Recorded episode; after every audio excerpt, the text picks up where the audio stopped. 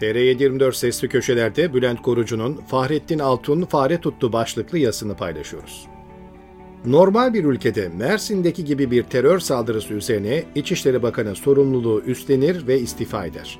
Normal bir ülkede İçişleri Bakanı terörün kökünü kazıdığını öne sürüp 124 kişi kaldı tek tek takip ediyoruz, ayakkabı numaralarına kadar biliyoruz diye meydan okuduktan hemen sonra iki terörist elini kolunu sallayarak polis evi basarsa muhalefet gök kubbeyi o bakanın başına yıkar. AKP ve Erdoğan rejimi uzun zamandır ilk defa mesaj üstünlüğünü ele geçirdi ve ana muhalefeti takipçi konumuna düşürdü. Hem de inanılmaz bir şekilde elinin en zayıf olduğu konuda başardı bunu. Fahrettin Altun'u takdir edeceğim hiç aklıma gelmezdi. CHP'yi madara etti.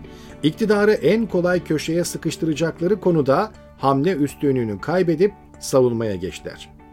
Mezepli ilçesi polis evini basan ve polisi şehit eden teröristin adı 2013'te CHP'nin hazırladığı raporda gazeteci olarak geçiyormuş. Buna cevap yetiştirmek şikeci muhalif Özgür Özel'e kalmış. Her zamanki gibi iyi rol yapıyor. Bağırıp çağırıyor, el kol hareketleriyle heyecanlı görüntü çiziyor.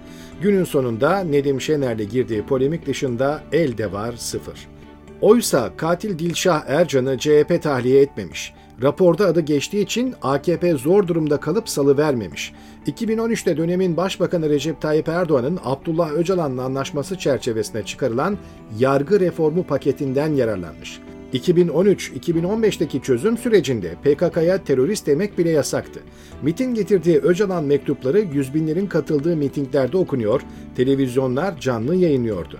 Öyle bir ortamda yazdıkları raporun altında kaldılar. Kaldı ki CHP'nin kendi gazetecisine faydası yoktu. Milletvekili ve Genel Başkan Yardımcısı Enis Berberoğlu'nu kurtaramadı. Kemal Kılıçdaroğlu ta Ankara'dan İstanbul'a yüzlerce kilometre yürüdü, yine işe yaramadı. Anayasa Mahkemesi kararına rağmen tahliye edilmedi. CHP'nin gazeteci demesi işe yarasa kariyerinden kimsenin kuşku duymadığı Berberoğlu fazladan hapis yatmazdı. Ayrıca 9 yıl önceki raporu tartışarak istihbarat ve güvenlik birimlerinin kusurlarını belki de suçlarını örtmüş oluyorlar. Ayakkabı numarasına kadar bildiğiniz teröristlerden ikisi uzun namlulu silahlarla polis noktası basarken siz neredeydiniz?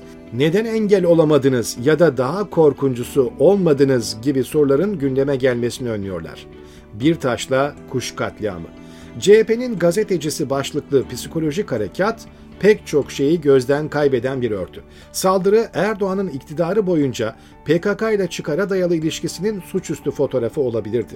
O için Öcalan ya da Kandil'le pazarlık yapabilen ama Selahattin Demirtaş'ı cezaevine tıkan ve HDP'yi kapatmaya çalışan bir iki yüzlülükle karşı karşıyayız ayakkabı numarasına kadar bildiğini iddia ettiği örgütün şehrin göbeğindeki eylemini önleyemeyen bir beceriksizlik ya da şikeyi sorgulamıyor kimse ve CHP hesap sormak yerine savunmaya çekilerek bu zokayı yuttu.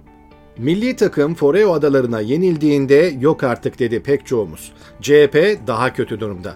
Fahrettin Altun'un psikolojik harekat operasyonuna dahi cevap veremeyen bir parti. İçerideki özel elemanlar sağ olsun.